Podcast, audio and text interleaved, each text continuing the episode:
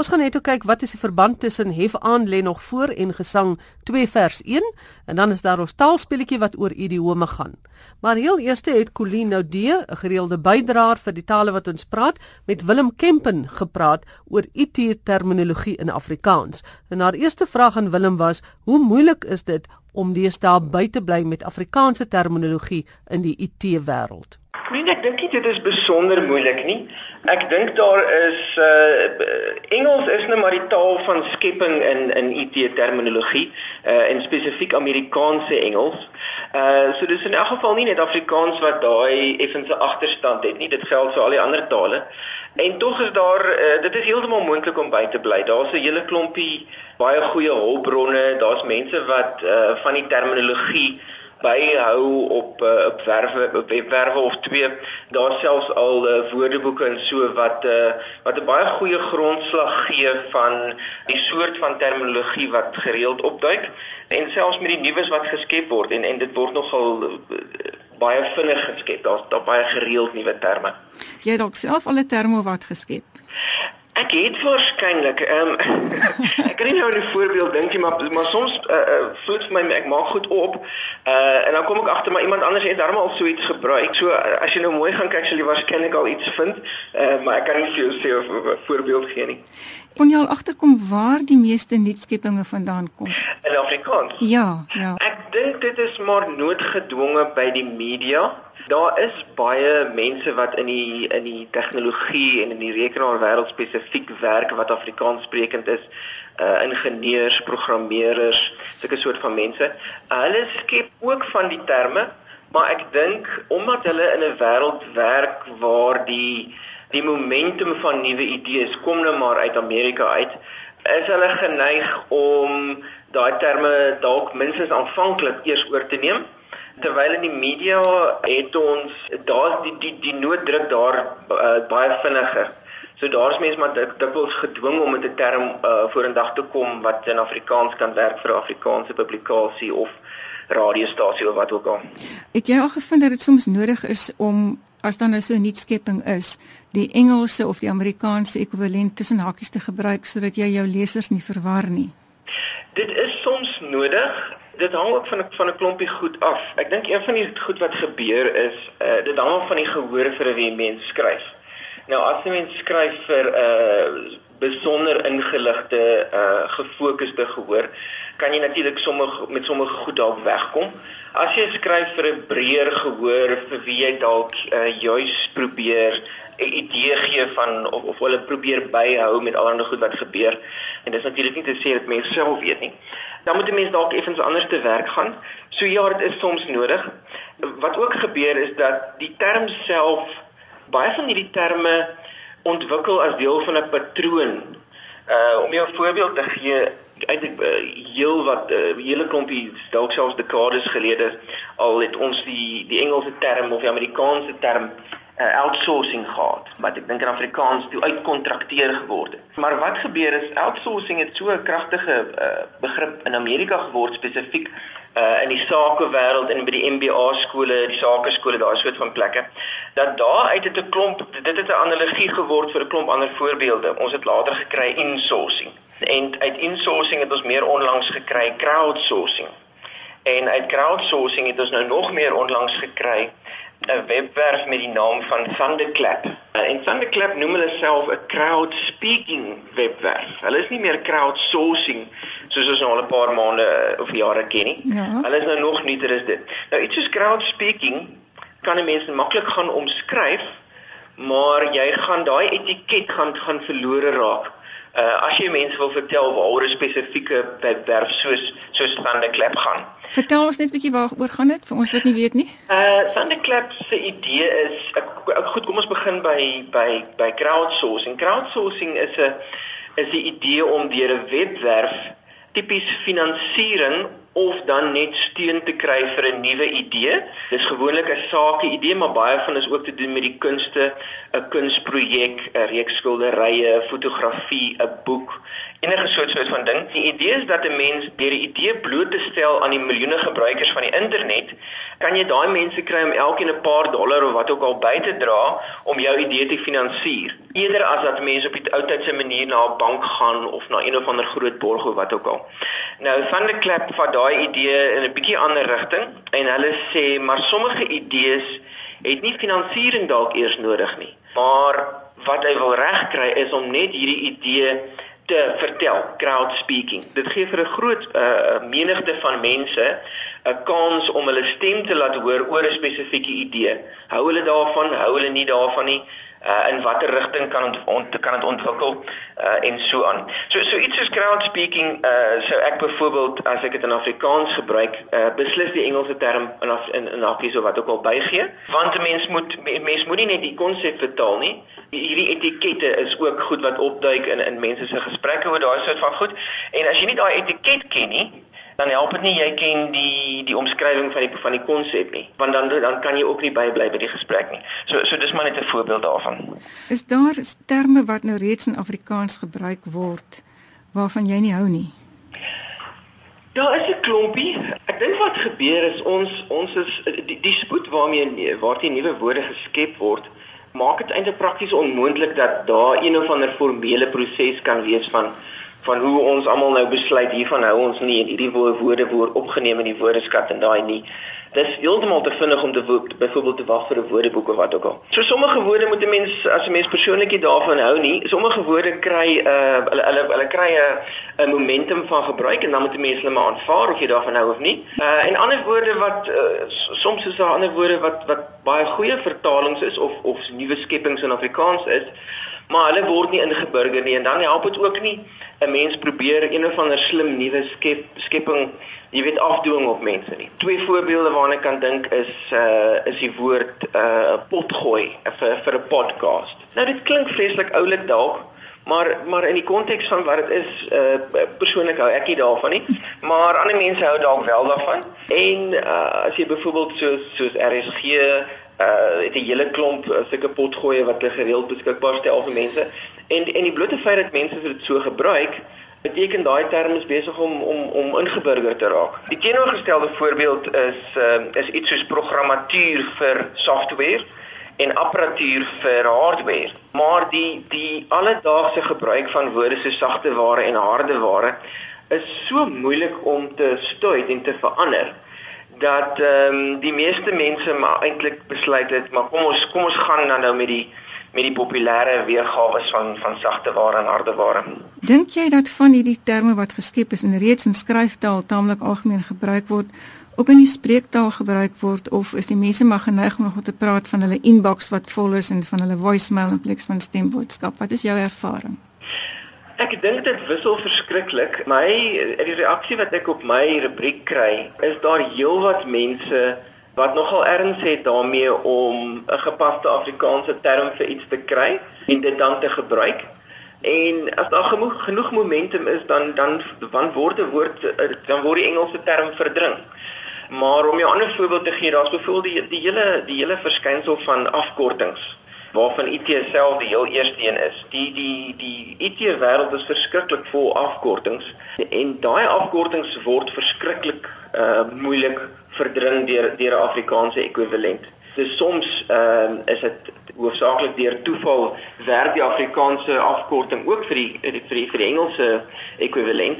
Maar maar dikwels is hierdie afkortings of so ingeburger in Engels of dit selfs eh, 'n uh, handelsnaam of of 'n of anders op anders 'n patent of iets wat geregistreer is dat 'n mens maar die Engels moet gebruik.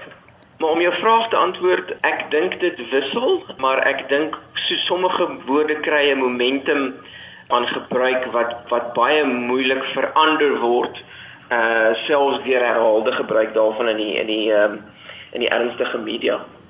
Jy is seker baie bly as jy 'n afkorting kry wat in Afrikaans en Engels dieselfde werk soos byvoorbeeld PIN.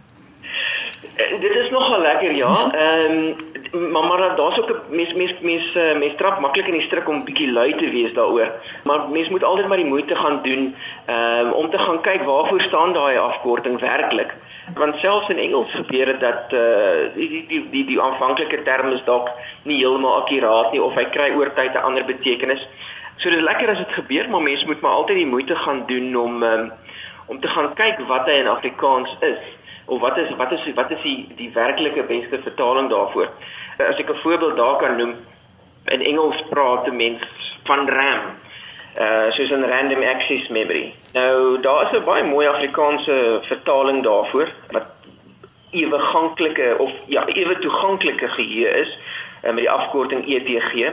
Nou ek dink dis belangrik dat 'n mens daai uh ag daai vertaling gaan ontwikkel. Help jou verstaan waaroor gaan die oorspronklike konsep, veral as jy nou nie 'n uh, ingenieur is of in die in die IT wêreld uh, uh, selfbedrywig is nie. Maar aan die ander kant, daar's geen kans dat ETG uh RAM gaan vervang as iets in die in die alledaagse spreektaal nie.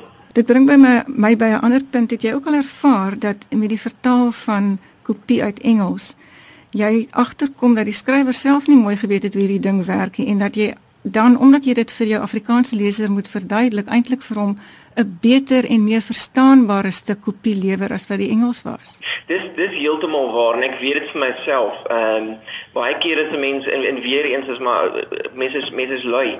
Uh jy sien 'n term en jy dink jy verstaan waaroor dit gaan, maar die vertaalproses wat wat eintlik hopelik ook 'n 'n nuut skepproses is. Uh dwing mense om regtig te gaan verstaan waaroor dit is wat jy skryf.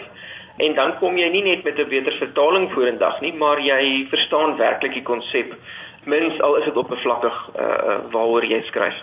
Dit was Willem Kempen wat gepraat het oor terminologie in die IT-wêreld en dit is Colleen Nodee wat met hom gesels het. Voordat ons by die idiome aansluit, net 'n navraag wat ek eendag gekry het van 'n luisteraar oor waar kom die uitdrukking hef aan lê nog voor vandaan.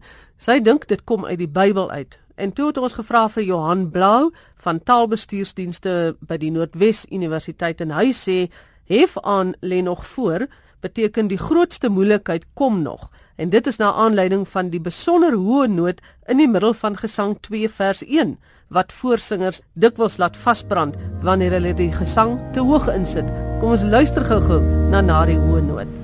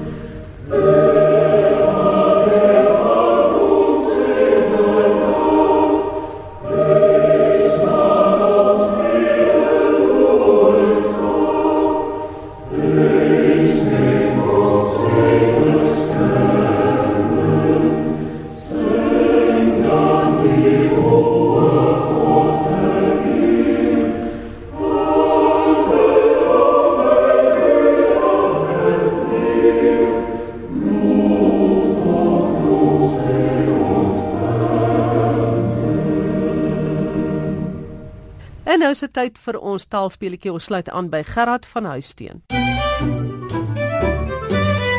Dis weer tyd om vir verandering met idiome te speel. Ek sê die idioom, maar vervang een woord met 'n toongeluid. Jy moet sê wat die woord is, asook wat die idioom beteken. Ons val weg met 'n ou perd kry ook lus vir as die perde kry die perd ryk sy aan die ry. Die perd in ons midde. Jy kan 'n perd na die water bring maar en jou parels voor die gooi. Om ons te help met hierdie idiome het ek vir professor Marnay Pinaar departementshoof van die departement Afrikaans aan die Universiteit van Johannesburg gevra om ons te kom help. Maar nee, 'n Ou perd kry ook lus vir groenvoer. En dit het baie dieselfde betekenis as die uitdrukking wat sê 'n ou bok in 'n jong blaartjie. Met ander woorde, daardie groenvoer verwys gewoonlik na 'n jongerige meisie. So dit is nou 'n um, minder jong jong man, het ek dit so stel, wat dan nou geïnteresseerd of verlief raak op 'n vrou wat heelwat jonger as hy is. Goed, so ou perd kry ook lus vir groenvoer. Dis reg. En dit bring ons by ons tweede ene, as die perde wat kry? horings kry wat hulle natuurlik nooit gaan kry nie want perde het nie horings nie. So om te sê dit gaan gebeur as die perde horings kry is om te sê dit gaan nooit gebeur nie. Goed, maklik genoeg.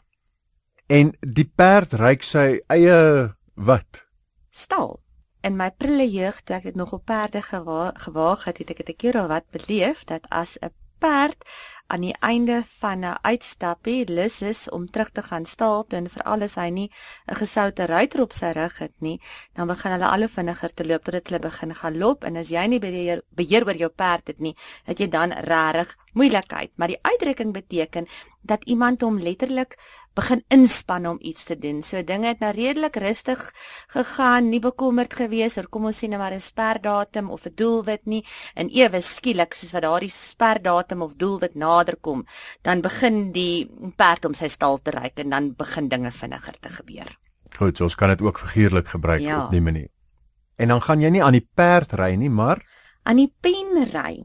En dit beteken om verantwoording te doen. En ek het 'n bietjie gaan kyk na wat sê Prinsloo vir ons en hy vertel ek dit baie mooi. Hy sê vroeër jare is 'n houtpen deur die neus van 'n vark gesteek. En dan is die vark so vasgemaak dat hy nie kan vroetel of woel nie. Ander diere is ook met toue of rieme aan 'n pen vasgemaak sodat hulle nie kan wy nie of wegdwaal nie. Nou om aan die pen te ry is dan letterlik die figuurlikse figuurlike betekenis is om vas te wees. Met ander woorde, jy's gevang. Jy is nou vas in die in sien maar die hande van die gereg. So jy moet nou verantwoording doen om aan die pen te ry. en jy kan nie verder vroetel of Jy so kan nie verder vroeter op woel nie. Daar is jy nou. Dan kom ons terug na perde toe. Watse perde is in ons midde? Die Trojaanse perd wat in ons midde is en dit beteken daar's gevaar in ons midde en dit gaan maar terug na die Griekse mitologie toe waar die Griekse soldate dan nou weggekruip het in die houtperd wat vir hulle toegang tot Troje gegee het en op dië manier kon hulle Troje toe nou maklik binneval en oorwin. So daar is 'n Trojaanse perd in ons midde. Hier is moeilikheid. Hier is iemand wat miskien nie te vertroue is nie. Daar's gevaar. En hoe spel ons daai Trojaanse? Hoofletter T want dit verwys natuurlik staan na die stad van Troje. T R O J A N S E Trojaanse. Dan jy kan 'n perd na die water bring, maar Jy kan hom nie dwing om dit te drink nie. En dit beteken op 'n figuurlike vlak dat 'n mens nie maar geleenthede of dinge uh, vir mense kan gee. Dis net maar een voorbeeld, maar jy kan hom nie noodwendig dwing om daarvan gebruik te maak nie. So iemand kan my aanry tot by die wegspringplek van die Kamerads maraton, maar hulle gaan my nie kan dwing om dit te hardloop nie want ek is gewoon nie in staat daartoe om dit te doen nie. So dis daai ding van dwang is dat 'n mens mense 'n beperkte beheer oor dinge. Tannie Evita Besuidnout het jare gelede oor die soustrein en so aan gesê, uh, jy kan 'n perd tot by die water bring, maar wat doen jy as hy op sy rug begin dryf in die water? ja, tipies. ja, jy het nie beheer nie. jy het geen beheer nie. Uh ons laaste enetjie. Jou parels gooi jy nie voor die perde nie, maar Nee, jy gooi hulle vir die swyne. En swyne is miskien ook nou nie meer so algemene woord nie, dit beteken maar varke of otte of oetjies sal ons seker ook kan sê, maar dis eintlik as jy iets waardevols beskikbaar stel aan mense wat nie enige waardering daarvoor het nie. So kom ons probeer dan net vinnig aan 'n voorbeeld dink. Iemand het 'n werklike wiskundige deurbraak en hy probeer dit nou met sy nie vakkundige vriende deel en hulle het absoluut geen waardering vir die deurbraak wat gemaak is nie. So ja, dit is wanneer jy iets probeer deel met iemand wat net geen begrip of enige insig daarvoor het nie. Iets wat vir jou waardevol is. Dis miskien belangrik om by te sê. en as ek reg onthou dan is dit 'n uitdrukking wat eintlik uit die Bybel uitkom, nie Ek waar nie? herinner my dit so. Ek herinner my Iewers dit uit so. Spreuke of so iets. Ja, ja, ek dink jy's reg. Miskien kan 'n luisteraar vir ons laat weet waar in die Bybel dit voorkom. Stuur gerus vir ons 'n e-pos by taalvraag by rsg.co.za.